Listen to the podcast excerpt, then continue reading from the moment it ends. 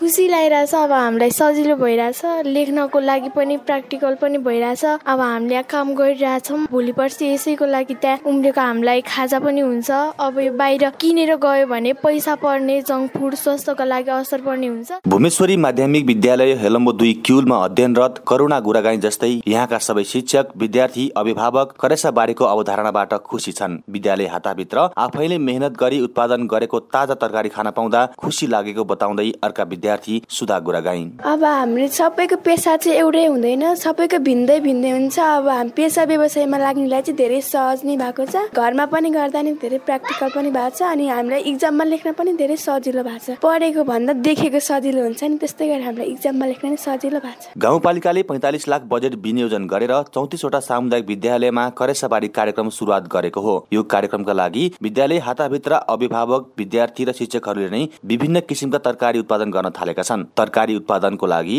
अभिभावकहरूले प्राङ्गारिक मल बिउ उमार्ने टनेल हाल्ने बिउ रोप्ने जस्ता काममा सहयोग गरेका छन्। सातधारा आधारभूत विद्यालयका शिक्षक सोमज्योति गाउँपालिकाले विशेष गरी चाहिँ यो खाजा कार्यक्रम लक्षित गर्दै किचन गार्डन गाई वस्तुको मलबाट उत्पादन हुने लोकल स्थानीय खानेकुराहरू त्यसको लागि आफ्नै उत्पादन गर्ने किन्न पनि नपर्ने होइन यहीँको तरकारीहरू उत्पादनको लागि चाहिँ गाउँपालिका पत्रचार अनुसार चाहिँ हामीले विद्यालयमा बिउ बिजनहरू उत्पादन गरेका छौँ। विद्यालयमा बनी बनाउ खानेकुराको प्रयोग बढेपछि यसको नियन्त्रणको लागि गाउँपालिका भित्रको प्रत्येक विद्यालयमा करेसाबारी कार्यक्रम लागू गरिएको हो। अभिभावकहरूलाई कृषिमा आत्मनिर्भर बनाउने र विषादी रहित खानेकुरामा प्रोत्साहन गर्ने उद्देश्य यो कार्यक्रमको छ। हेलम्बु गाउँपालिकाका अध्यक्ष निमा ग्याल्जन शेर्पा। खाजा कार्यक्रम छ नेपाल सरकारको। तरकारी किन किनेर खुवाउनुपर्छ? प्रत्येक स्कुलमा अहिले किचन गार्डन भनेर गाउँपालिकाले लगानी गरेर ग्रिन हाउस दिएको छु। त्यसपछि बनाउन सिकाइरहेको छु भ्यू दिइरहेको छु उहाँहरूलाई बोलाएर ट्रेनिङ दिइरहेको छु। र योले पनि कम्तीमा के हुन्छ विद्यार्थीले त्यहाँ खाना बानी लगाइसकेपछि त घरमा गएर तपाईँको आमा बुवालाई नै सिकाउँछ कि? हाम्रो स्कुलमा त त्यही तरकारी रोपेर खायो कस्तो राम्रो हुन्छ हामी पनि रोपाउँ भन्छ। तर त्यो विद्यार्थीबाट नै आमा बुवालाई पनि यो